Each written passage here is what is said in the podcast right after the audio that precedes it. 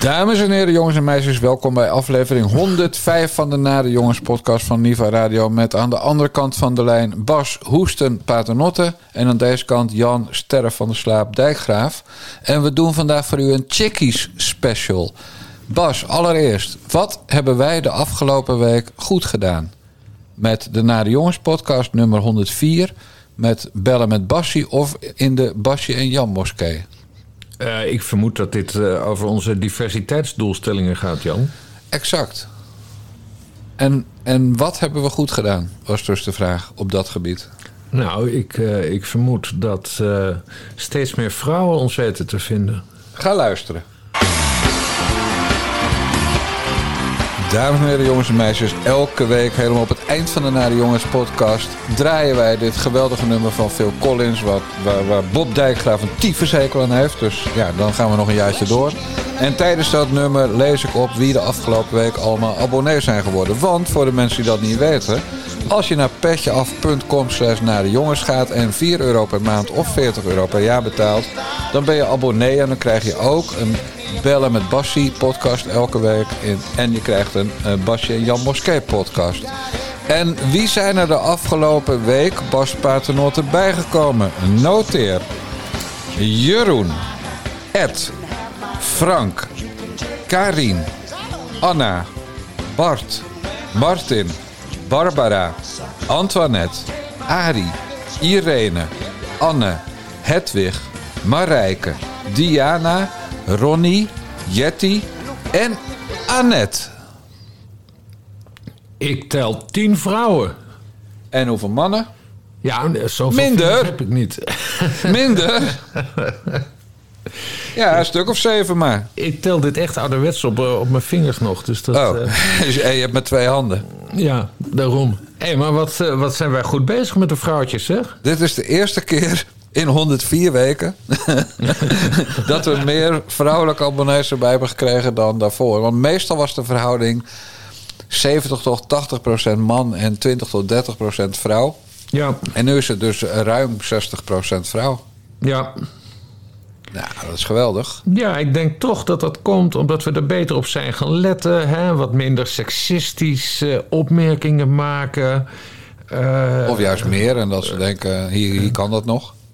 Ja, dat, dat, dat kan ook hoor. Zulke reacties zie je wel eens op Twitter van. Uh, dan zegt iemand van, oh, ik vind die Jan en die, en die Bas vind ik zo vrouwenvriendelijk. Ja, en, dan, en dan zegt een, een, een, mevrouw vanuit het niets, nou hoezo, ik ben abonnee, ik heb een petje van de heren en ik vind ze hartstikke grappig. Ja, ja precies. Maar het is dus uniek Bas. 104, dat, is, dat is dus gewoon precies twee jaar na de start. Ja, ja. Van, van eerst meer vrouwen dan mannen die erbij gekomen. Ja, en ruim. Dus, ja. dus dit is een kantelmoment in de geschiedenis van de Na de Jongens podcast. Ja. Dus vandaar dat ik heb gezegd, nou, dit is gewoon vandaag de Chickies special. Ja, en dat is ook omdat jij één keer per jaar telt van hoeveel op vrouwen gerichte afleveringen hadden we nou en hoeveel op mannen gerichte. Ja. En dan is deze natuurlijk full blown Chickies is vrouwen. Ja, ja, ja. Dus ik weet niet wat we gedaan hebben. Ik ga voor het eerst in al die tijd ook onze drie podcasts van de afgelopen week terugluisteren. En dan kijken waar we de vrouwtjes hebben getriggerd om te zeggen: ik pak mijn, uh, mijn app en ik ga gewoon naar petjeaf.com slash naar de jongens en ik word uh, abonnee. Ja, we noemen het trouwens de vrouwen special. Ik vind chickie special dan dat ga ik ook niet, dat ga ik straks ook niet online zetten. Gewoon vrouwen special. Dat vind ik veel beter. Hij doet dan lekkere wijvenspecial. Uh, ja, dat, dat is positief. Maar vrouwen, dat is zo'n zo, zo nondescript, zo'n ja. niet-zeggend begrip. Uh, Asja ten Broek is ook een vrouw. Ja. Ah, fuck it, we houden wel op chickie special. Nee, doe maar lekkere wijvenspecial. Ja, doe maar lekkere ja, lekkere wijvenspecial. Oké, okay, goed. En als ze lelijk zijn, dan denken ze wel mooi. Ja. Dat kunnen mannen. Ja. Nou, goed. Dan gaan we nu luisteren naar uh, Marky Mark. Nog één laatste vraag. Eh, we hebben nu ruim een half uur eigenlijk alleen geluisterd naar het ontwijken van vragen. Uh, eigenlijk geen antwoorden, vooral als het gaat om Groningen. U zegt dan uh, ja, dat u geen eer wil, dat u eer wil doen aan het rapport en aan de Groningers door nu niet in te gaan op die vragen. Maar tegelijkertijd zie ik al reacties binnenkomen die zeggen ja, het is, het is tekenend voor hoe er altijd met Groningen is omgegaan. Afhouden, traineren, negeren. -hmm. Is dat niet iets dat u zich toch moet aantrekken? Zeker, uh, maar ik kies er echt om het zo te doen. En, en uh, Hans Velbrief en ikzelf hebben vandaag hele stevige woorden gebruikt uh, over hoe dit binnenkomt. Bij ons allemaal, bij de mensen in Groningen, ook bij ons persoonlijk. Ja. ook ten aanzien van de, de, de, Erik, de erekwestie, het vraagstuk van schaamte. We hebben al die dingen benoemd. Maar de vragen gaan dus logisch natuurlijk over hele concrete reacties op concrete punten in het rapport. Ja. En alleen daarvan heb ik gezegd, en dat blijf ik echt herhalen, geef ons dan de kans om dat hele rapport ook in samenhang te bekijken en niet hapsnap een stukje te ja, Maar u zegt ook, ik uh, was niet in Groningen, want uh, dan kon ik hier die persconferentie doen en jullie vragen beantwoorden. Dat schuurt toch wel een beetje. Nou, dat denk ik niet. Uh, de, we hebben op vrijdag altijd deze persconferentie en ja. het rapport is net uit. Uh, ja, ik, ik, dat, dat is een keuze in de timing, uh, die ik volledig respecteer. maar dan kunt u niet verwachten dat ik hier nu op alle inhoud. Maar als mensen in Groningen, ik, ik, accepteer alles wat ze daar nu denken en vinden van mij hier vandaag. Dat heb ik volledig met respect te benaderen. Maar ik vraag ook begrip Um, als het gaat om de impact die het op ons, mij, allemaal heeft. En natuurlijk in de eerste plaats de mensen in Groningen. En alle termen die gebruikt zijn, dat zijn volgens mij stevige termen. Die laten zien dat wij het rapport uh, zeer serieus nemen en groot respect hebben voor wat Van der Lee en zijn team hebben gedaan. Uh, maar de vragen gaan logischerwijze over allerlei elementen uit het rapport. En dan kun je alleen reageren als je het hele rapport kent. We hebben het geprobeerd, dank u wel. Dank u wel. Ja, dames, sorry, dit was dus nog het oude draaiboek. Voor ik heb gekeken dat jullie er allemaal bij waren en dat we wat meer de leuke kant op moeten. Maar Bas had een fragmentje Rutte geknipt. Uh, en het is ook lullig voor die jongen als ik dan zeg, nou, dat flikkeren we weg.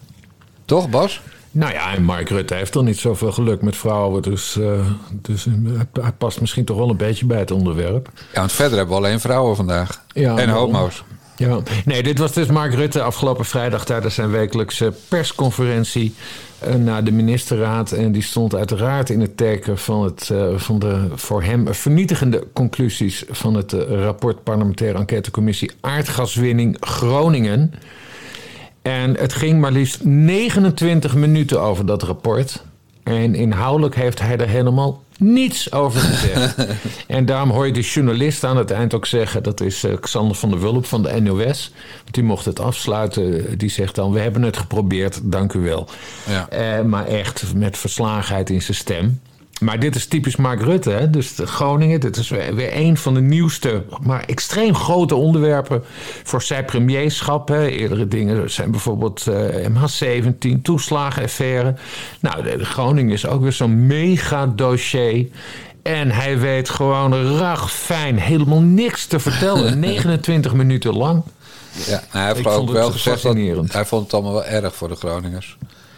Ja, dat, dat, dat, dat heeft hij wel, wel heel vaak. Ja. Oh, het is erg voor de Groningers. En, en, uit respect voor de Groningers ging hij ook niet inhoudelijk op het rapport in. Want dat had het heel graag gedaan. Maar ja, ja, uit respect voor de slachtoffers van zijn beleid... Ja. En van de kabinetten voor hem sinds de jaren 60. Uit respect voor de Groningers. En hij zei tien keer dat het rapport 2000 pagina's dik was. terwijl dat niet waar is, hè? 1957. Ja, ja, ja. Dus ook dat was weer een leugen. Dan, 2000 bek dan beter. Ja, dus dat is een leugen. Maar normaal heeft hij altijd verkleinwoordjes, hè? Ja, dus rapportje. Dan, dan, gaat het over rapportje. Maar nu was het opeens dus een heel dik rapport van 2000 pagina's. Ja, dus, als, dus toen hij s'avonds thuis kwam bij zijn katten of zijn hond, ik weet niet wat hij heeft, of zijn goudvissen, zei hij, die Groningertjes, die kunnen een teringje krijgen dus. van Markje dus. Ja, ja precies. We gaan er verder niks over zeggen. Maar de Groningers willen wel boter bij de vis, want dat, dat, dat kwam daarna allemaal erbij. Ja, die pakte door, hè? Die, ja. wilden, die hadden ook Remkes als ja. kanon. En wat natuurlijk wel weer heel grappig is voor ons van buiten Groningen. Hè? Ik bedoel, ik, ik kan het aanfietsen, maar uh, de meeste Nederlanders niet. Maar wat natuurlijk wel weer heel erg opvallend is, is dat iedereen, uh, Remkes, maar ook uh, andere mensen in Groningen en vooral de Nederlandse media hmm. voorsorteren op. Het kabinet wegsturen helpt niet hoor. Dan komt er alleen maar vertraging. Ja, ja vertraging in wat? Ze doen nog geen flikker al jarenlang. Nee. Ja, vergaderen. 60% van al het geld dat bestemd is voor herstelwerkzaamheden, dus voor de huizen van de Groningers, 60% gaat op aan ambtenaren en juristen. Ja. En als iemand wint een zaak, dan gaat, de, gaat diezelfde Rutte, die zo meeleeft met de Groningers, naar aanleiding van dit rapportje, die stuurt de landsadvocaat op die Groningers af. Ja, ja, ja. Er zijn mensen die te horen hebben gekregen... ja, u heeft wel scheuren in uw huis... maar dat komt omdat u zo'n dikke dochter heeft. En ik lieg niet, Bas, dat is echt gezegd. Ja, dat meen je niet. Ja. Dat is wel heel smerig, zeg. Het is heel smerig. En het was niet ja. Asjat en Broek, hè, dat je zegt... ze hebben een punt. Nee. Nee, gewoon een, een, een meisje met enig overgewicht. Ja, wat, wat, wat doen ze met zo'n kind? Dus scheuren in het huis blijft en dat kind, eh, ja, dat ziet het leven niet meer zitten. Nee, nee. Marky Mark, echt, ik, over mijn nek ga ik ervan. Dat, dat nu alle media alweer zeggen, nee, het kabinet moet blijven hoor. Wat is dat godverdomme? Ja, maar wat gebeurt er als het kabinet opstapt? Dan, dan, dan, verandert er ook niks, want dan komen ze toch allemaal weer terug gewoon. Dus dat... eh, Nou ja, dat denk ik niet. dat hebben we de vorige val eh, van het kabinet hebben we dat ook gezien. Ja, maar toen dachten ze nog dat er een nieuwe bestuurscultuur zou komen, de kiezers. Ja, ja, ja. Nee, maar da- daarom is het allemaal zo, zo tragisch. Van, ja, nu, nu moeten we dus maar afwachten wat er gaat gebeuren. Sowieso tot de verkiezingen helemaal niks. Want de Kamer die gaat dus eerst nog praten met de commissie. Ook en na daarna de wordt, er eens een, daarna wordt er eens een debat eh, gepland. En, nou, en de agenda die staat al heel erg vol. En dan moeten al die Kamerleden al die 2000 pagina's gaan lezen. Dus dat, dat gaat ook nog weken duren, zo niet maanden. En ja, nou ja, en dan heb je een debat en dan valt het kabinet. Ja, wat dan? Zijn de Groningers ook niet bij gebaat? Het is, het is gewoon, het is één, iedereen heeft hier verloren. Dat is gewoon een ding dat zeker is. Want we wisten, iedereen wist ook wel dat dit de conclusies zouden worden. Hè? Dat die Groningers gewoon zwaar, groots en mislepend verneukt zijn Ja. door, door Den Haag. Dat klopt. En, en daar moet een oplossing voor worden gevonden. Dus het heeft helemaal geen zin om, om nu te kijken... ja, het is de schuld waarom- van Mark Rutte. We weten, we weten nu, Mark Rutte heeft groots, eh, een hele grote rol in het falen hier gespeeld. Maar het moet nu gewoon oplo- opgelost worden. En hoe los je dat op? Poen geven aan die Groningers. Maar zoals jij dit leert, hadden ze dus ook niet hoeven aftreden bij de toeslagenaffaire. Nee, maar dat, dat was de eerste keer dat het grootste mislepend aftreden in beeld kwam. Maar nu, eh, dit is dus van gelijke grootte, begrijp je? Dus? Dus nou ja, wat maakt het uit als het kabinet dan valt? Niks, want dat hebben we vorige Ja, keer ook gezien. Je krijgt dezelfde mensen terug. Nou, zal ik het je dan uitleggen? Leg Als het uit, kabinet valt, dan is er een kleine kans dat ze gaan onderhandelen. Hè, zeg maar een doorstart bij een bedrijf zou dat, eh, zou dat heten. Maar er is een grote kans, een veel grotere kans, dat er nieuwe verkiezingen voor de Tweede Kamer eerder komen dan in 2025. Ja. En die uitslag die zal spectaculair anders zijn dan de vorige keer. Dus het is het moment om eindelijk eens van dit zootje af te komen. Ja, oké, maar en van ik- de mensen uit het snap ik. zootje. Maar, maar het gaat mij om de Groningers. Dat snap ik. En bij de vorige, het vorige aftreden, de toeslagenaffaire... jij bent een oude man, dus jij bent gewend... dat een afgetreden kabinet alleen nog maar de hoogst noodzakelijke dingen doet. En wat zei Mark Rutte als leider van dit afgetreden kabinet... was natuurlijk weer een grapje van hem. Maar nou, nu heb ik meer macht dan, dan voordat we waren afgetreden. Letterlijk, hè? Heeft hij gezegd. Dus het, het, er komen dan nieuwe verkiezingen. Ze gaan gewoon door met alles. Want dat deden ze bij de vorige keer ook, na de toeslagenaffaire. Ze, gaan zelfs, ze geven zelfs extra gas op dingen. Ook gevaarlijk trouwens. Maar verder komen de nieuwe verkiezingen. En dan is het eindelijk bye bye zwaai zwaai naar Mark Rutte. Sigrid Kaag die kan eindelijk vluchten naar haar geliefde buitenland. Ja. Ja, de grote schoonmaak gaat beginnen. En daarom moet het kabinet aftreden, Bas Paternotte. Ja, ja. Nou, Het gaat niet gebeuren, hoor, daar ben ik het met je. Nou, Ja, dat precies, dat, is mijn eh, ding. Nou goed, we hebben het toch over homo's.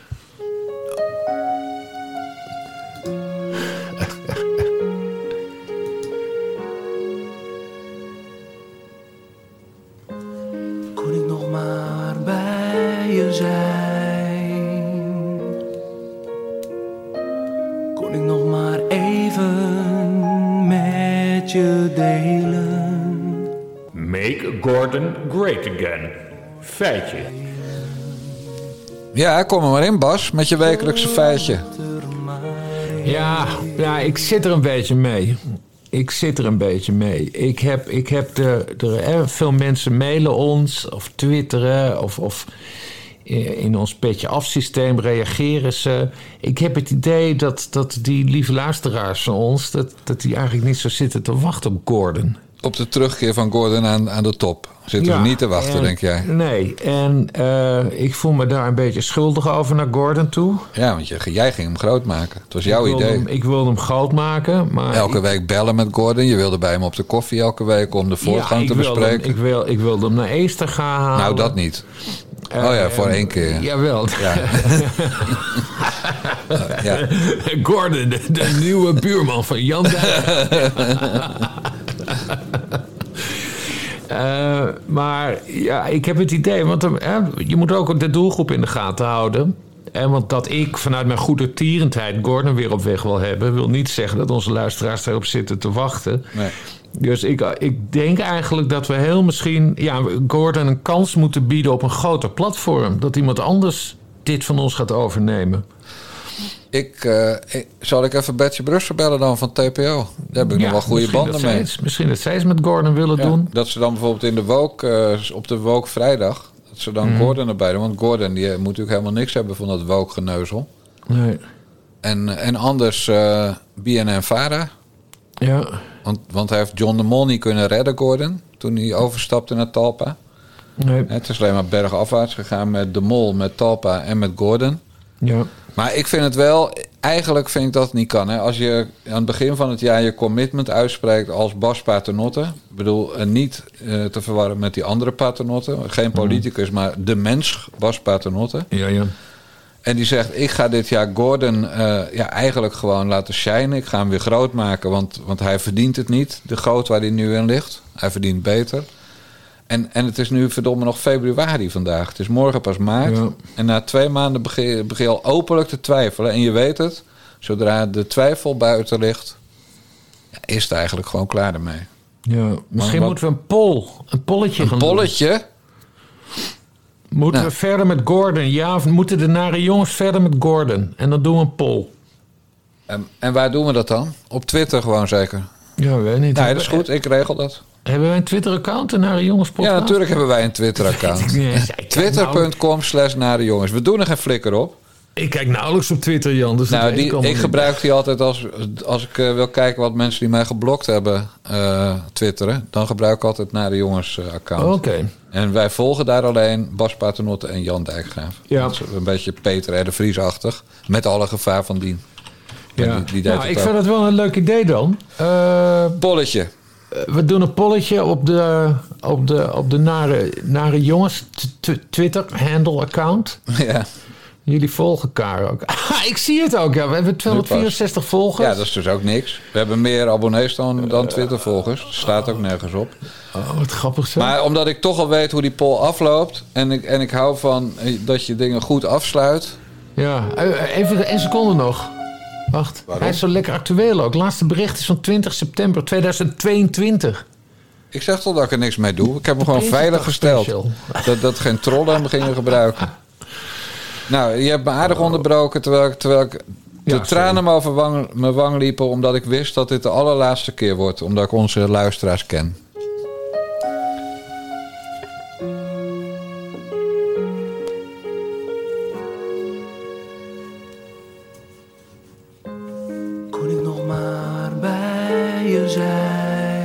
Nou, niet dus, want onze luisteraars gaan hem kei en keihard wegstemmen... die, die achterlijke Ja. gek. Ja. Ja.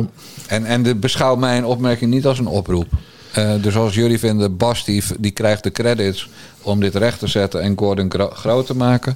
Gewoon stemmen voor Gordon moet blijven. Maar dan moet Ja. Bas wel, ik zal die poll wel even wat uitbreiden. Dan moet Bas wel elke week met een nieuwtje komen, een feitje. ja. Want het is gewoon, hij heeft een boek gekocht op een veiling voor 250 euro. De biografie van Gordon. Afdeling sprookjesboek had hij niet gekeken in de boekhandel. Dus hij zei, ze hebben het niet met Dijkgraaf. Ik ga het via, via eh, hoe heet dat, Katawiki ga ik het kopen. ja met zo'n mooie ondertitel. hè? Ja. Biografie van een entertainer. Ja, maar zei Bas dus, nou, ze hebben hem echt niet in de boekhandel. Ik ga het op Katawiki doen. 250 euro, zei hij een week later. Ik zeg, lul, sprookjesafdeling. Naast al het werk van Mark Rutte en Sigrid Kaag. Daar staat hij. Verkeerd gekeken. Ja. Jongen, jongen, jongen, jongen, jongen, jongen. 250 euro. Dat zijn gewoon zes en een kwart abonnees. Ja. Maar goed, en als de, en als de mensen eh, eh, dus echt van Gordon af willen, nou ja, prima, dan, eh, dan stop ik met die rubriek en dan treed ik ook ogenblikkelijk af. Als? Dus, dus dan weten jullie dat. Als wat? Als nare jongen. Dan Nee. ik- jawel, dan treed ik af. Treed ik af. En dan eh, keer ik de aflevering daarna terug. met, een, met, een, met een nieuwe, nieuwe, nieuwe podcastcultuur keer ik dan terug. Maar ja, dat is lekker. Maar dan doe ik het wel op het eind. Want anders moet ik het weer alleen doen. En dat was echt de slechtste aflevering ooit. Toen jij opeens verdwenen was, zonder dat ik het wist. Bas, Bas. Nou, gewoon niet opnemen hoor. Oh, Zat hij in eh, de abonnees weten wel waar. Ja. Bas, het wordt eigenlijk verder, omdat ik zei het is een lekkere wijvenspecial. Gaan we het alleen maar over vrouwen hebben, over chickies. Ja, heel En goed. Het eerste chickie is een chickie van kleur van BNN Vara. In gesprek met Gert-Jan Farisegers. Als u nu toch al bezig bent hè, met zo'n eh, zo'n brief eh, in de Volkskrant... eh, om dus eigenlijk een, een einde te maken aan dit soort regimes... laten we dan even naar Palestina kijken. Het, eh, het apartheidsregime van Israël. Komt er ook een open brief Israël, eh, Israël is geen apartheidsregime. Israël is een, multi- jegens de Palestijnen? is een multiculturele, multireligieuze samenleving... waarin Arabieren, Joden, Christenen, Druzen samenleven. En wat een voorbeeld is voor het Midden-Oosten. Er is een probleem op de Westbank. En dat is een territoriaal probleem. Maar dat is van een andere orde dan de samenleving die Israël vormt. En dat is geen apartheidsregime. Maar er zijn af vorig jaar, dat is het nieuws van vandaag, eh, NOS, wereldwijd nieuws, meer, meer doden gevallen, meer Palestijnse doden sinds de intifada in 2005. Er is, een, er is een probleem op de Westbank, maar ik vind het echt misplaatst om het territoriaal conflict wat daar plaatsvindt, wat daar inderdaad nog niet beslecht is, en waar het vredesproces de oplossing voor is, om dat te vergelijken met een regime wat nu tieners, twintigers ophangt omdat ze demonstreren voor vrijheid. Dat vind ik echt, echt misplaatst. Dus over Israël kunnen we het hebben. Prima, tot je dienst. Nu Iran. Daar Dat is echt daar de grofste ook- schending. Daar komen ook er tieners en twintigers onder Palestijnen zitten Israël hangt geen tieners en twintigers op. Over Israël, die, deze tien fractievoorzitters, als we over Israël gaan praten, lopen de meningen uiteen. Dus ik, ik kan hier niet namens negen anderen nu over Israël praten. Dus dan praat ik namens mezelf. Over Iran zijn we het eens. Dat is onbestaanbaar wat daar gebeurt. Dat is nu de prioriteit. En als je het ene benoemt, als je zegt Iran is nu dat wat actie van ons vraagt. Betekent niet dat je andere conflicten niet belangrijk vindt. Dus je zegt, joh, dan gaan we daar het maar even niet over hebben. Nee, daar, daar, zullen, eh, eh, daar zullen we wel degelijk over moeten praten. Ook over het vredesproces. Dan zullen de meningen eerder uiteenlopen. Vandaag hebben we het over Iran. Iraniërs hebben nu recht, onze stem, op ons protest, op onze stappen. En die stappen moeten we nemen. Goed, Nou. dank u wel. Wat ik dus een aantal weken geleden al voorspelde. De ombudsman van de NPO gaat de klacht van een meneer tegen Natasha Gibbs, tegen BNN Vara, tegen de hoofdredactie van Op1 eh, ja, erkennen. Want die klacht die was op het moment dat je zegt Israël is of heeft een apartheidsregime, dan is dat volgens jou, in dit geval Natasha Gibbs, een feit. Ja. En volgens de journalistieke code van de NPO moet je feiten en meningen scheiden en moet je feiten onderbouwen. Dus allemaal mensen gingen roepen: Natasha Gibbs is antisemitisch en Natasha Gibbs zus en Natasha Gibbs zo. Maar toen was er één rustig mannetje ergens uit de provincie die zei: Jongens, eyes on the ball. En niet, eh, niet uit gaan wijden over wat je allemaal fout vindt. Er staat één zinnetje in. Feiten en meningen moeten worden gescheiden. En het is geen feit dat Israël een apartheidsstaat is of een apartheidsregime heeft. Want heel veel regeringen in de wereld vinden dat niet. En Ja. wie het wel vinden zijn NGO's als Amnesty International en Human Rights, bla bla bla. Van die subsidietiethangers. En de ombudsman is meegegaan in die kritiek. En die heeft dus gezegd dat BNN-Vara haar eigen betrouwbaarheid op het spel heeft gezet. Met deze opmerking in op één van Ja, de Natasha geloofwaardigheid, de Geloofwaardigheid, heeft ja. een deuk opgelopen. Juist, en daar ben ik het helemaal mee eens. En ik, heb, ik, ik drink al het hele jaar niet. Hè? Gewoon dry January, February, March. Maar gisteravond, toen het nieuws van de ombudsman bekend werd... heb ik gedronken op die intelligente meneer uit de provincie... die een klacht heel goed had geformuleerd... zodat de ombudsman wel moest zeggen... deze klacht is gegrond. De nuancekoning uit Eesterga. Ja, ik, heb, ik, wil niet dat je een plaats noemt, want anders denken mensen dat ik dat was. Dat moeten we niet doen. Want er wonen hier maar, ja, we hebben maar 17 huizen in Eestega. Dus een, een meneer uit de provincie, die gewoon het, eh, maar niet met hart, maar met hersenen deze kwestie heeft Eh, aangevlogen. Oké, nou, je, bent weer, je bent weer veel te bescheiden, maar goed, het is jouw keuze. Eh, ik, moest er, ik moest er wel om lachen hoor, omdat, omdat je nu eh, lui die, die riepen... oh, de NPO-ombudsman is zo goed hè, dat ze de kritiek heeft op eh, Ongehoord Nederland. Ja. Oh, wat een geweldige vrouw is dat. Een groot deel van die mensen had iets van... Ja, maar, ja, maar Na- Natasja... Nee, nee, nee, oneerlijk. Nee, Natasja Gibbs niet. Jullie moeten... Ongehoord Nederland moeten jullie pakken. Niet, niet BNN-Vara. Ja. Ik moest er wel om lachen, hoor. Natasha Gibbs is bij deze de Reisa Blommestein van BNN-Vara en de publieke omroep in als geheel. Ja, BNN-Vara is gewoon het ongehoord Nederland van links. Ja, zo kan je Dat, zeggen. eh, En, en niet alleen BNN-Vara, want op één, het programma waarin de geloofwaardigheid van BNN-Vara als een van de allergrootste omroeporganisaties van Nederland, die geloofwaardigheid die staat nu op het spel. Hè? Die heeft een keiharde deuk gekregen. Ja. Maar dat programma op één valt onder hoofdredactie van, ik noem de naam nog één keer, Bert Huisjes Huisjes, van ja. WNL. Daar straalt, straalt het ook negatief op af. Absoluut. De geloofwaardigheid van bedhuisjes, voor zover andere mensen dan ik die nog hadden, hè, die is volledig verdwenen. Ja. Dit is geen deuk in de geloofwaardigheid van bedhuisjes. Nee, dit is gewoon een trein die keihard tegen de geloofwaardigheid van bedhuisjes is aangereden. Ja, De ja, geloofwaardigheid van bedhuisjes is verdwenen. Bedhuisjes moet aftreden, net als Rutte. Ja, en, en, nou ja, en vergeet Francisco Jolen niet. Hè? Eigenlijk toch het gezicht van BNN-Vara. Francisco van Jolen is de Arnold Karskens Ja. van, van, van links Nou, geworden. erger nog. Ja, Ja, Bas, en weet je, het is zo leuk, want iedereen was ook boos dat, dat heel veel mensen de, de intelligente klacht van die man uit de provincie hadden overgenomen. En ook naar de ombudsvrouw hadden gestuurd, de ombudsman. Ja. En er kwamen meer dan 800 klachten kwamen daar binnen met ongeveer dezelfde formulering. Dus 800 intelligente klachten. Eh, ja, en de ombudsman zei nog, ja nee, het aantal telt niet. Dat telde toen wel bij Ongehoord Nederland, hè? Ja. maar nu telde het aantal niet. En dat riep ook Bert Huisjes eh, als opper-opperhoofd. En, en de vader eh, kwam met een verklaring naar buiten... waarom het wel degelijk eh, op feiten gestoeld was, die opmerking. Nou, die hebben gewoon keiharde draai om de orde gekregen allemaal. Ja, en, en dit heeft natuurlijk grote gevolgen voor de toekomst. Want zo'n zo'n mannetje uit de provincie... Dat, dat kan ook gewoon de Johan Vollebroek van de, van de publieke omroep gaan worden. ja. Dat hij dat hij gewoon bij elke feitelijke onjuistheid in een programma zegt... Oh ho, klacht bij de ombudsman. Dan komt dat vingertje zo omhoog. Ja, precies. Brilletje op de neus, op het puntje van de neus. Ja, dan, dan, Stand- dan ver- verschijnt er zo'n paasei aan de horizon. Gewoon bij elk foutje wat er wordt gemaakt in een omroep van, of in een programma van de publieke omroep. En dan een voorkeur van, voor programma's van BNN, Vara of WNL. En dan gewoon bij alles een klacht indienen die zo strak geformuleerd is dat de ombudsman er niet omheen kan. Ja. Want de ombudsman is dus tot niks verplicht. Hè? Dus daarom zeg ik kudo's voor de ombudsman. Eh Margot Smit heet ze trouwens. Ja. Heel veel kritiek kan je op die vrouw hebben. Maar zij is dus op geen enkele manier verplicht om met die klachten zelf wat te doen. Zij moet die Nee. klacht doorsturen een omroep, krijgt antwoord, stuurt het antwoord door en, en mag ze zeggen: Nou, ik ben er wel klaar mee. Maar dat heeft ze niet gedaan. Nee, zij heeft gezegd: BNN Vara is niet eens met jullie klachten. Hier heb je de shit die zij vinden. Zij vinden het allemaal prima.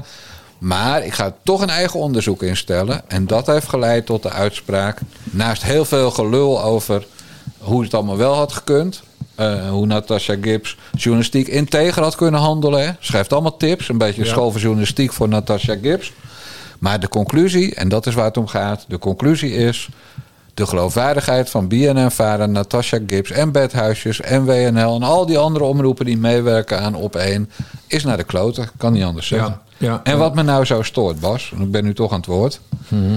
dan gaan mensen aan onze kant, zeg maar. Hè? Dus de mensen die vinden... als je ongehoord Nederland aanpakt... moet je ook andere omroepen aanpakken. Wat de ombudsman dus prima gedaan heeft... Oh, maar waarom moet ongehoord Nederland dan boetes krijgen? Oh, waarom moet ongehoord Nederland eruit? Nou, ik heb tegen Paul Cliteur gezegd, want die zei dat bijvoorbeeld tegen mij. Ik weet ook niet waarom hij dat tegen mij zei.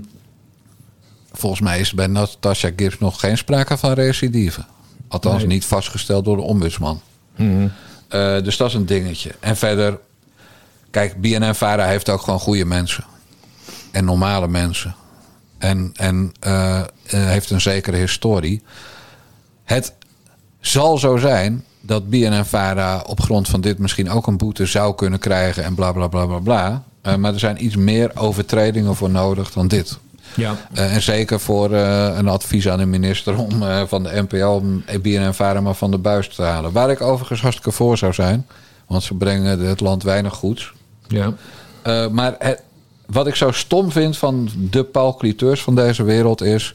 je hebt god voor de god voor een eclatante overwinning... op dat, dat bastion van zelfingenomen teringleiers in Hilversum geboekt. Ga dan niet janken over dat, er over, dat je niet met 3-0 hebt gewonnen. Dat je maar met 3-0 hebt gewonnen en niet met 6-0. Ja, Vier ja. die 3-0 als een hele grote overwinning. Ja, maar daarom noem ik altijd types dus dom rechts. En je ziet het trouwens ook bij dom links. Dat ze dan gewoon niet doorhebben. Gast, je hebt gewoon gewonnen. Dit is gewoon Ja. heel goed. Dit is een hele belangrijke uitspraak. Op verschillende punten heb je winst geboekt. En namelijk ook van eh, dat die ombudsman van de, wat dus een vrouw is, van de, van de NPO, dat hij dus inderdaad niet bang is om onafhankelijke oordelen te, Exact. te, te geven. Dat is dus ook winst. Hè? Dus, dus Gibbs is nat gegaan. Nou, dat is winst. Die, die ombudsman, die een vrouw is, eh, blijkt echt totaal onafhankelijk te kunnen opereren. Dat is ook winst. Dus, dus dat, dat is sowieso 2-0. En, en dan gaat er toch iemand zeiken over... Ja, maar waar is de boete dan? Waar is de, rot nou op met je boete. Ja, het nou gaat niet om ongehoord Nederland. en, dan, en dan valt het derde doelpunt. Van, ja, het, het is ook een tegenvallen voor Bert Huisjes. Je Ja. staat ook nu op 3-0, Klager. Je staat op 3-0. En dan gaan ze toch jammeren. Nee, het is verschrikkelijk. Verschrikkelijk. Het is gewoon Denzel Dumfries die drie keer is opgestampt langs de zijlijn. Een voorzet op maat heeft gegeven die keihard in het doel geranseld is. Hè, dat is er gebeurd.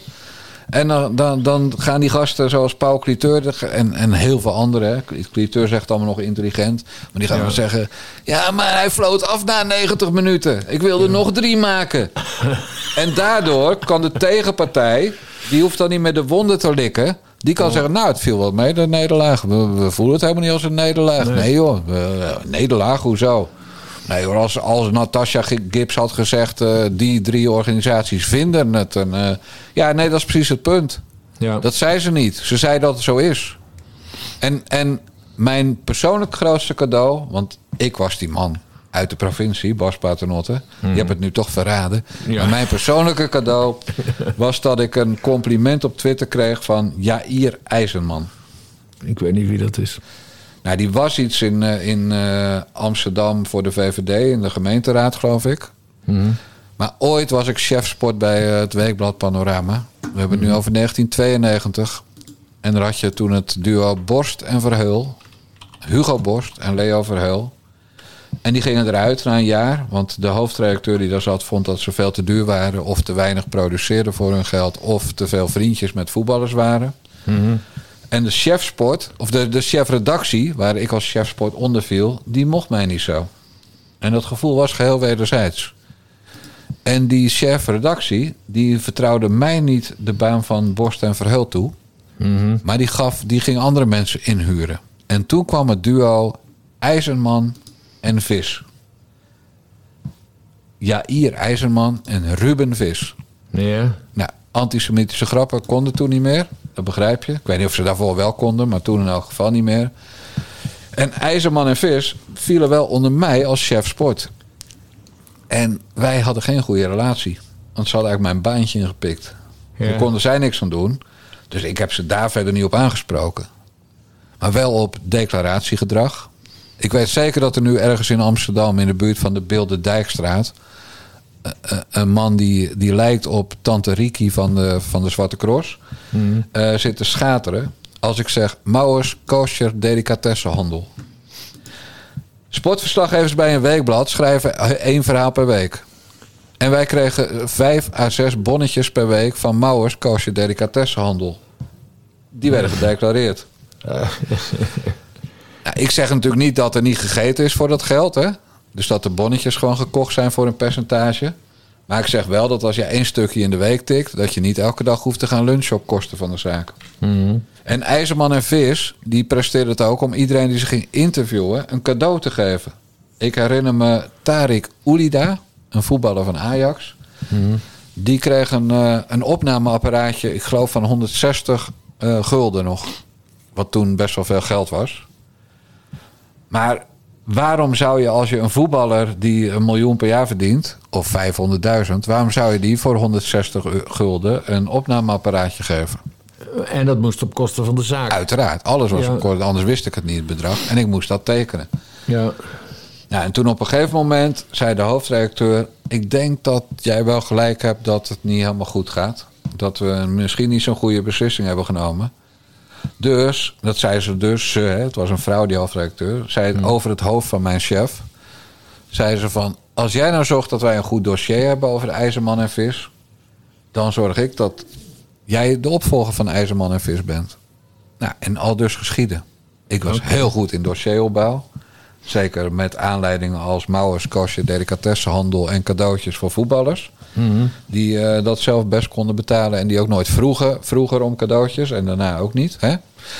Als je begrijpt wat ik bedoel. En die gasten zijn er dus uitgepleurd. En ik geloof dat ook nog een beetje juridisch geneuzel is geweest. Maar dat gaat, ging allemaal eh, langs mij heen. En eh, het vervolg was dat bij het WK voetbal in Amerika niet IJzerman en Vis op de tribune zaten namens Panorama. Maar eh, de kleine kale kapelmeester, zoals jij hem noemt. Met, een, eh, Maar die Jair IJzerman, die heeft jou dus gecomplimenteerd nu. met de overwinning op Natasha Gibbs. En dat heeft natuurlijk alles te maken met het feit dat de kwestie Israël betrof. Hè? Ja. Dat ik, ik zeg niet voor niks, leg niet voor niks de nadruk op hun namen. Ja. Hè? Eh, Bobby Brown is meestal ook niet wit, om het maar zo Nee. te zeggen. Nee. Dus Jair zegt al genoeg en Ruben zegt genoeg. En zeker IJzerman zegt genoeg. Vis ook trouwens. Dus dan weet je wat voor vlees je in de kuip hebt. Of vis. Ik weet niet hoe dat precies zit. Eh, maar dat die mij dan vandaag, ja, laten we zeggen, gewoon 30 jaar nadat ik ze eruit heb genaaid bij Panorama, complimenteert met de overwinning op Natasha Gibbs. Ja. Dat, dat doet mij veel, Bas Paternotte. Dus heeft Natasha Gibbs heeft er eigenlijk gezorgd voor vrede. Ja, vrede op aarde Tussen, tussen. tussen de kamp Dijkgraaf en IJzerman. Juist. Kijk eens. dat En de broer van IJzerman, die ken je wel. Dat is Ronnie IJzerman. Ja, dat is Ronnie IJzerman, Ja, die ken je ja. dus wel. Ja, ja, ja. Dus uit, dat, uit die familie komt hij. Nou, ik ben daar blij om gewoon. Wat leuk zeg. Ja, hè? Ik denk, ik vertel ook eens een korte anekdote. Dingen. Met die ene uitzending van op één. Allemaal prachtige positieve Ja. verhalen zijn eruit Dus gekomen. dankzij Natasha Gibbs, hè, die best wel een hekel heeft aan Joodse mensen. Hè, want anders zeg je dat niet over Israël. Maar dankzij die Natasha Gibbs ben ik nu weer verzoend met Jair IJzerman. Ja, prachtig. Ik weet niet of dat nog zo is nadat ik het heb onthuld van Mauers Kosher, delicatessenhandel en het cassetteband, cassetteapparaatje. Ik weet niet of die denkt van dat is wel een hele oude koe en, eh, en, en dat was wel allemaal kosher. Dat weet ik niet. Ja, maar dan me wel ook geen flikker uit. Bas. Dan komen we wel over mooie- Ja. is wel een mooie anekdote. En we doen alles, sinds, we, sinds de vrouwtjes hier de overhand gaan nemen, doen we alles voor de mooie anekdotes. Ja, en daar komt bij Israël is een, is een baken van licht in een verder duister Midden-Oosten. Het is ook niet dat wij anti-Israël zijn of zo. Dat, eh och, ja, declaraties. Nou, een, een hele kleine anekdote over een declaratie. Nee, eind vorige eeuw, hè. Ja. Ehm, eh, maakten wij voor een uitgever maakten wij een blaadje over games. Niet, niet dat ene waar jij en ik ook voor hebben gewerkt. Een heel ander blad. En daar huurde ik zelf dan wel eens freelancers voor in. En één freelancer die heeft toen een keer een pak cheque gedeclareerd. Ik zeg hem, wat de fuck, waar heb je dat pak cheque? Waar moet ik dat betalen?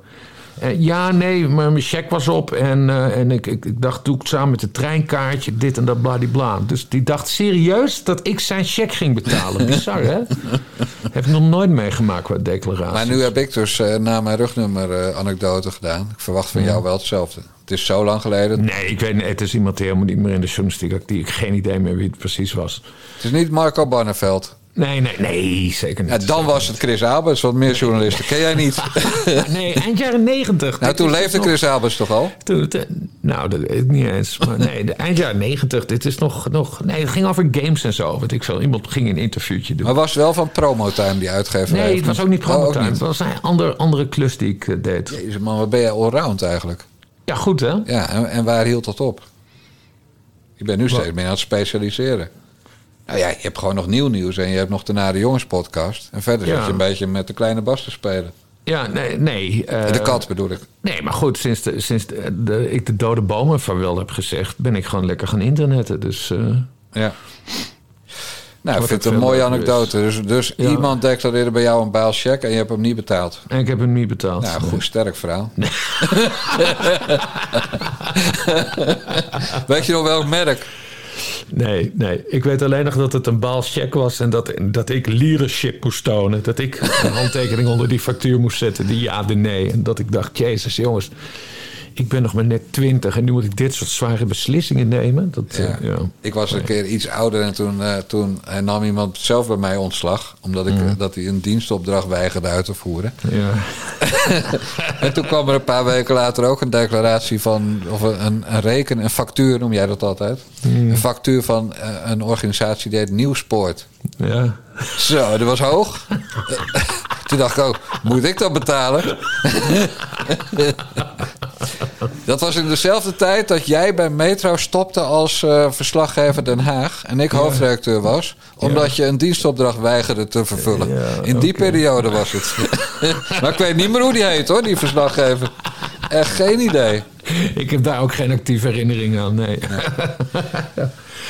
Oh, Leuk man. Nou, zo, we, gaan, we, we bouwen het op. Hè. Het wordt steeds leuker deze uitzending. Het begon met Rutte. Toen kwam Natasja Gibbs. Toen kwam de, zeg maar, de Wie de Goedmachung. Hè, van tussen IJzerman en Dijkgraaf. Ja. Toen kwam Bas Paternotte met zijn checkfraude. Dus het wordt echt steeds beter. dus we gaan nu naar mijn persoonlijk hoogtepunt van de week. Want het is het gewoon. Eh, want, want ik heb weer een boekie eh, af, Bas Paternotte. Ja. En eh, zondag bij Umberto Tan, mijn grote vriend... was de hoofdpersoon van het boekje te gast. wat heftig. En twee, wat ontzettend. ehm, wat is de reden. Ik ga straks vertellen wat het is, maar wat is de reden dat je het wil vertellen? Nou ja, de reden dat ik het wil vertellen is eigenlijk dat, ehm, dat ik jonge meisjes, maar tegenwoordig ook heel veel jongens, ehm, ja, eigenlijk een beetje wil steunen die te maken hebben gehad met sexting of met misbruik, wat ik dus ook heb meegemaakt. En ehm, dat ze zich niet alleen voelen erin, want dat heb ik heel erg gehad. Ik voelde me heel eenzaam. Dat was wel de, de tijd zeg maar voor eh, de telefoontjes en zo. Dat was volgens mij net een beetje upcoming. Dus dat is naar mijn idee lijkt mij alleen maar erger geworden. En ehm, ook wat te laten zien dat, dat het uiteindelijk wel goed komt. Uiteindelijk komt het goed. Jawel. Kijk, want je, je gaat een, eh, een, een boek schrijven. Althans, een biografie is geschreven over Ja. jouw leven. Je bent Ja. pas 27, dus best Ja. jong voor een biografie. Dit is de cover van het boek. En je ziet al meteen eh, wat op de voorkant van het boek staat. En daar zie je ook staan... Maxime misbruikt, ontspoort en nu...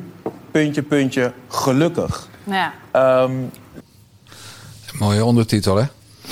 Ja, ik heb het gezien. Ik vond het, eh, ik vond het best wel een heel heftige toestand. Ik wist het allemaal niet. Ik heb natuurlijk wel eens die, die shows bekeken. En meest recent hun, de kerstspecial van de Meilandjes... dat ze naar Rome gingen.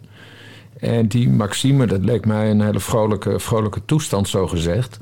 Maar dit is een serieus eh, kutverhaal. In de zin van, eh, dat wens je niemand toe. Nee, dat mag je wel zeggen. Ja. Dus ik heb dan af en toe van die geheime klussen. En in 2020 was dat dat ik in coronatijd op een kasteel in Frankrijk... eh, een paar weken lang de familie Meiland ging interviewen. En een jaar later ging ik voor de biografie van Erika steeds naar Noordwijk. En dan mocht ik niet in mijn oranje Lada Niva... want dan zouden mensen denken... hé, hey, Dijkgraaf die schrijft toch boeken... Eh, en deze keer eh, ja, hebben we het ook aardig eh, allemaal incognito kunnen doen. Omdat je gewoon niet wil dat een half jaar voor het boek uitkomt al bekend is. Hé, er komt een biografie van Maxime. Dus en vanaf oktober tot januari ben ik daar elke week een dag geweest om te interviewen. Ja, en waar het eerste boek gewoon hilarisch leuk was, is dit natuurlijk extreem triest. En je zit toch als man van 60 tegenover een meisje, zeg ik dan maar even. Dat is ze natuurlijk niet, een jonge vrouw. Ja. Eh, die je helemaal moet gaan uitmelken over eh, eh, sexting, over verkrachtingen, over welke gevolgen dat voor de leven heeft gehad, over in de goot liggen, over hoe ze dan weer bovenop is gekomen. Dus dat zijn dan de leuke sessies die je hebt. Ja. Maar ja, dat is allemaal best wel, of best wel, dat is voor een, een, een man van 60 die alleen maar zoons heeft. En die Ja. dus dit soort verhalen helemaal niet kent. Behalve dat, dat hij dan ooit tegen zijn kinderen heeft gezegd: als jij ooit zoiets flikt bij een meisje, dan breek ik je benen. Ja. Eh, dan is dat allemaal wel, het is niet gezellig, zeg maar. eh, over het algemeen. Want je moet iemand gewoon laten janken, anders heb je je werk als interviewer niet Ja, en, maar, en, en, maar hoe komt zoiets tot stand? Het moment dat ze... En want ze kan er ook voor kiezen van... ik ga, ik ga hier niks over vertellen. Ja. In, in- toen ik er voor het eerst met, met het eerste boek bezig was. Moment. Er ligt hier een paperclip op de grond en als autist irriteert me dat mateloos. Toen ik voor het eerst bij ze op kasteel was, toen interviewde ik ze allemaal voor het boek van Martien. En, toen, en, en daar zat ook één ochtend met haar bij. En Mhm. toen zei ik na een uur al van Jezus. Want ik wist dat natuurlijk ook niet. Je ziet inderdaad iemand die in de serie eh, alleen maar actief is. Het is gewoon een boek eh, van. Jij bent gewoon een boek voor jezelf. Dus eh, we gaan het allemaal niet nu gebruiken voor het boek van je vader. Ja, maar zat het dus al op het kasteel? Ja, toen had ze in heel grof, in hele grove lijnen wat verteld. Oké, oké. Eh, maar helemaal niet de diepte in nog. En de ouders waren erbij. Dus dat praat dan ook blijkbaar niet zo makkelijk. Mhm. Eh, dus, toen, eh, dus toen hebben we gezegd, ja, misschien wordt dat ooit wel een biografie. En, en het moment moest zij natuurlijk uitkiezen. En toen zou die ergens voor, vorig jaar al komen. Eh, behalve dat ze toen net eerst zwanger was en toen bevallen. En dat eerste jaar na zo'n bevalling zit je ook niet te wachten op eh, terug naar eh, alle ellende uit je jeugd. Nee. En tijdens de zwangerschap ook niet, want het schijnt hormonaal nogal iets met vrouwen te doen. Dus daarom werd het later. Ja. En afgelopen zomer zei ze opeens: Ja, dit is het moment, we gaan beginnen. En eh, normaal komen onze boeken altijd in oktober of september uit. En nu zei, zei ze: Nou, ik wil het gewoon zo snel mogelijk. Ja. Dus op 30 maart ligt het in de winkel, Bas Paternotte. Ja. Ja, en dat is wel. eh, het is allemaal. Het is een monoloog, dus ik ben eigenlijk ghostwriter. Mhm. wat op zich geen moeilijke taak is. Je moet alleen de goede vragen stellen om de goede antwoorden te krijgen en goed doorvragen. Ja. En geen schaamte kennen, want ja, het is allemaal. eh, ik, ik ben met één of twee van die boeken in mijn leven ben ik wel klaar eh, in Ja. dit genre, zeg maar. Dus, eh, maar het, ja, het, ge- het loopt als een gek, joh. Dus na de Ja, aankondiging nou, bij vond, ik vond, ik, vond- want je weet, ik kijk, ik kijk praktisch geen televisie en ik- de hele Humberto kijk ik ook niet. Maar ik was er echt onder de indruk. Ja. Juist omdat zij, en sowieso haar hele familie, die zijn zo mega bekend. Ik bedoel, het is, er is niemand die niet weet over wie dit gaat. En het is dan wel een mega grote stap dat ze daar dan zo Ja. open en eerlijk over vertelt. Ik was er, eh, en dat zijn, ik, het hele boek heb ik nog niet gelezen. Ik snap ook nog niet waarom ik dat nog niet in de brievenbus heb gekregen. Maar, Omdat het nog gedrukt moet worden, hè? Oh, het moet nog gedrukt Ja. worden, oké. het gaat vrijdag naar de drukker. Eh, nee, ik vond, het, ik vond het heel indrukwekkend. Maar ze, ze heeft dat natuurlijk ook bewust gedaan. Omdat ze, zij ook weet dat ze natuurlijk een, een, een doelgroep, eh, een grote doelgroep heeft. Tuurlijk. Waar, waarvan zij, vermoed ik dan, denkt dat zij er ook wat aan kunnen hebben. Dat zij hè, haar verhaal er zo over doet. Nou, het, het, het, het frappante was dat dezelfde zondagavond dat zij bij Umberto zat, Bridget Maasland in het programma De Kist zat. En, Mhm. en ook een soortgelijk verhaal vertelde. Eh, en het is gewoon goed als vrouwen die bekend zijn binnen een bepaalde doelgroep. Nou, en- dat is in het geval van Maxime, is dat de, de doelgroep eh Chateau Meiland eh, kijkers. Ja. Maar ook gewoon jonge meiden. Want eh, als je zo jong bent en bekend ben je ook altijd, zit je ook altijd in de influencershoek. Ja, Eh, dus ja, en dan, dan heb je natuurlijk de klassieke opmerking... als maar één meisje dankzij eh, dit boek geen zelfmoord pleegt... of wel naar de politie gaat als ze verkracht wordt... ja, eh, dan is, dat al, is het al waard geweest. En Ja. dan krijg je natuurlijk heel veel van die zuurbekkies die gaan roepen... ze doen het voor het geld. Nou, daar gaan we, gaan we niet over liegen. De helft van de winst gaat naar Maxime... en de helft van de winst gaat naar de uitgeverij... en die is eigendom van Erika en van mij... ja. Dus natuurlijk doen we het ook voor het geld.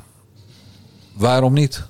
We hebben er namelijk hard aan gewerkt. Ja, nee, ik heb er ook geen bezwaar Nee, tegen. maar goed, ik- dat krijg je. Wat, wat ik veel interessanter vind, ze had het ook niet hoeven te vertellen. Exact, Omdat ja. het zo, zo Intiem persoonlijk is, is. ja. Dat is mijn punt. Ja. Nee, dat klopt. En, en, als, en als haar keus dan is, ik wil je meiden mee helpen. Want ik was vroeger radeloos. Ik wist niet waar ik naartoe moest.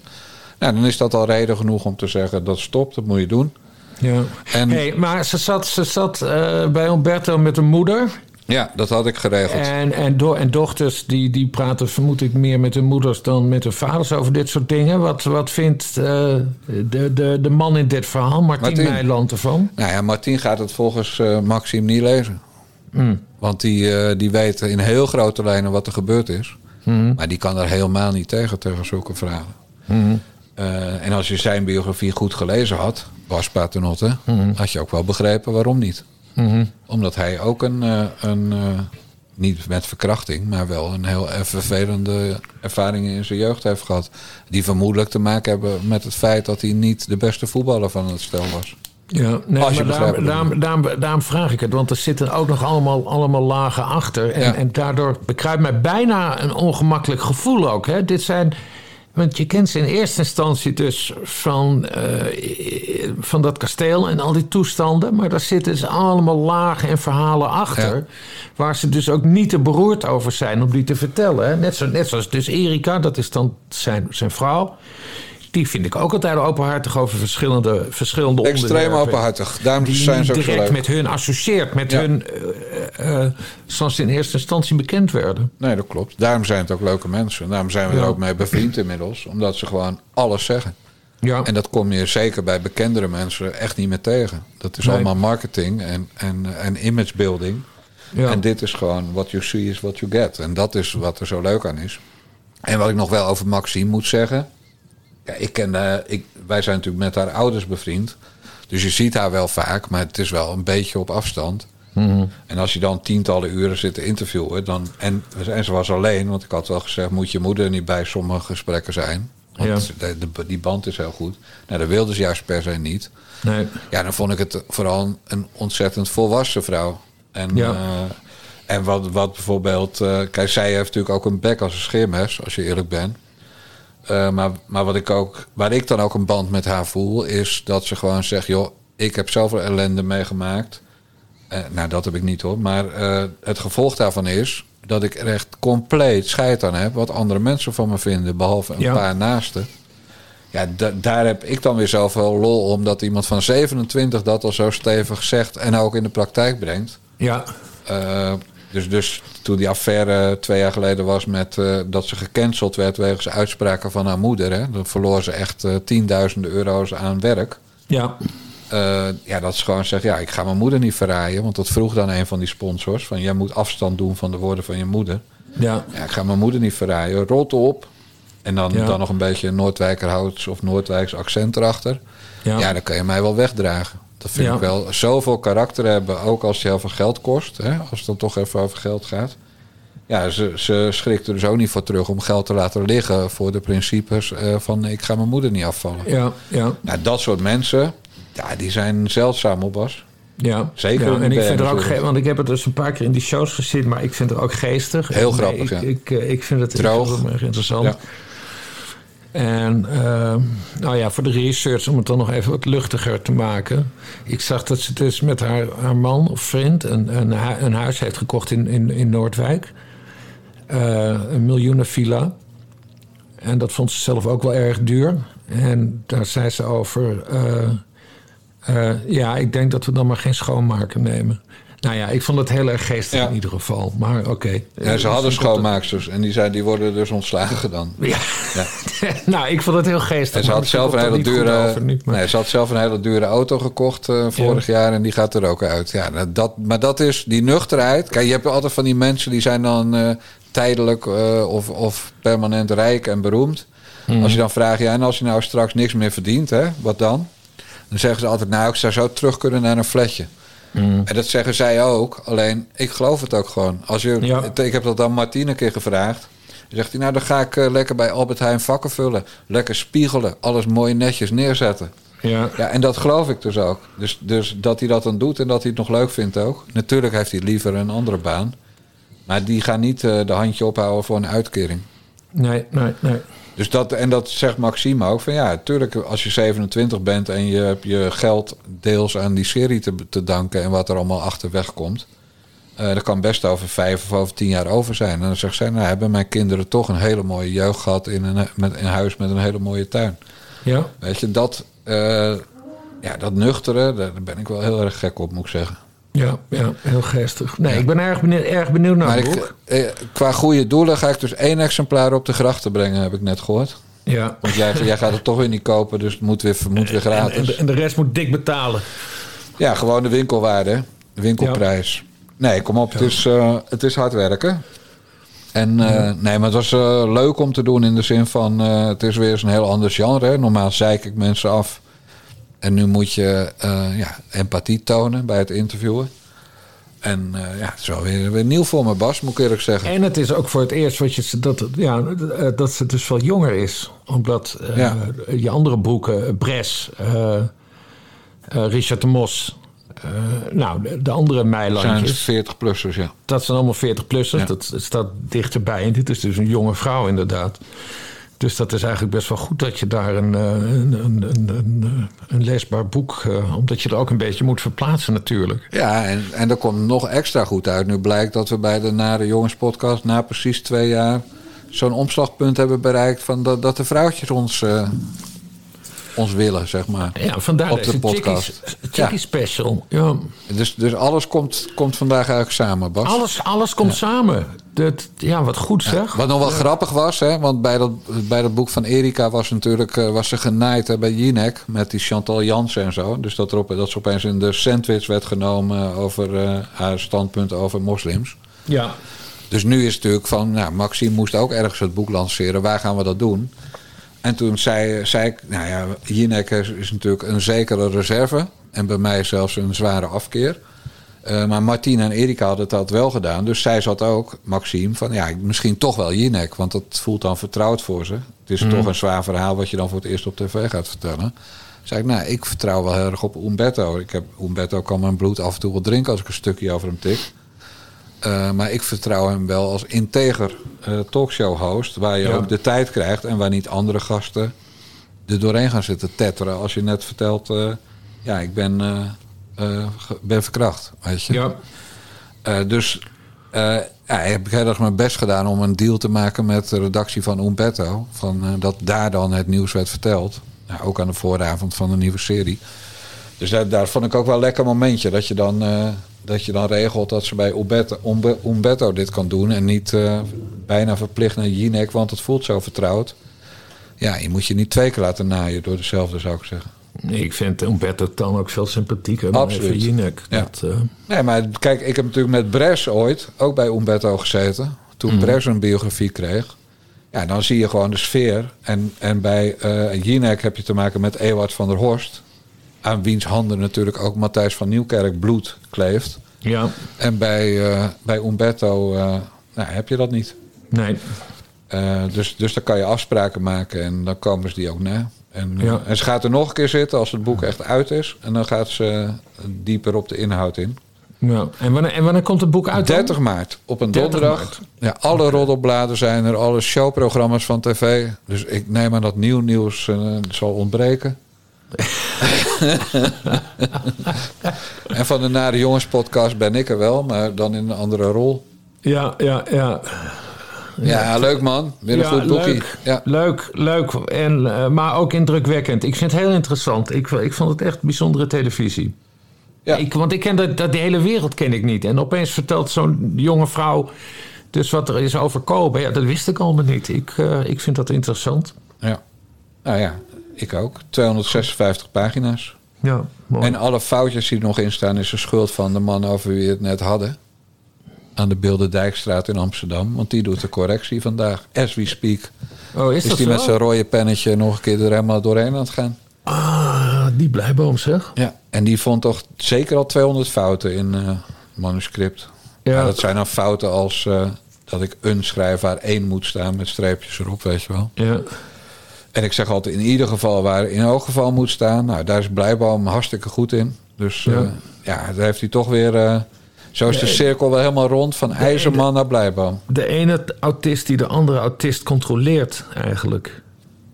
Ja, zo mag je het zeggen. Maar ik Ja. wil gewoon zo min mogelijk fouten in, eh, in het boek. En eh, dan heb je zulke mensen nodig, hè? Ja.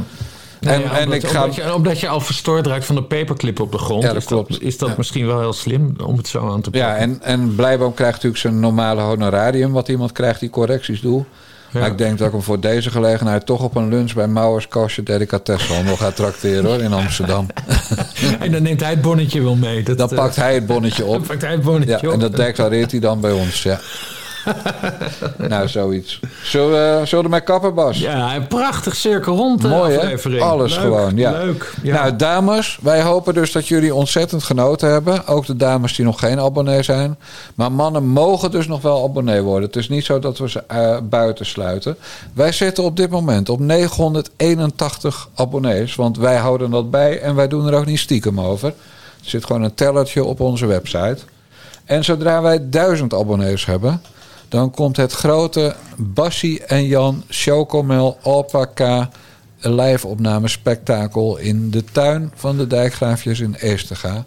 Dan kunt u een glas chocomel drinken of rooibos thee. Dan kunt u op de foto met Bas Paternotte en dan kunt u de borsten, in het geval van vrouwen, en de rug, in het geval van mannen, laten signeren door Bas Paternotte met een hele dikke eddingstift. Dan kunt u een opname bijwonen van de Nare Jongens podcast. Of een special die we nog gaan verzinnen. Want het programma moeten we nog een beetje uitvogelen. Maar er komt dus een event. En we houden het klein. Want we doen het bij 1000 abonnees. Dus nog 19 te gaan. Ja. En dan bepalen we een datum. Dan gaan we brainstormen over de exacte inhoud. Een, een alpaca op de barbecue. Nee. Bas. Weet je wat een alpaca kost, jongen? Jezus. Oh, oh, oh, oh, oh. Een onmens ben je. Die Nee, beesten die... mogen hem aaien. Mogen Ja, die beesten aaien. komen knuffels halen. En dan wil jij ze op de, op de barbecue opeten, ja. Je, je, je bent... eh, nee, dan gaan we echt... Oh, je verziekt het weer helemaal. Maar waar het op neerkomt. Als je nog geen abonnee bent... en je wordt abonnee via petjeaf.com... slash naar de jongens... voor 40 euro per jaar of 4 euro per maand... en je zit bij de eerste duizend... dan kan je dus een uitnodiging tegemoet zien... voor het grote Chocomel met Bassie event...